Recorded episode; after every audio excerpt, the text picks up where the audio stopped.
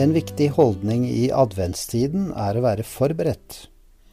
Tidligere president Jimmy Carter forteller i boken Living Faith om den kristne amisk-sekten i USA. Denne gruppen har ikke ordinerte prester. Alle møter blir holdt i private hjem.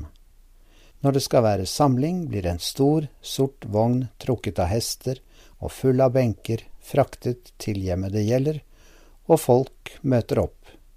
Ingen vet på forhånd hvem som skal tale. Predikanten blir valgt ved loddtrekning eller enighet like før. Carter spurte en leder blant amisk-folket hvordan de kunne forberede seg på en preken når de ikke visste hvem som ville bli kalt til å tale.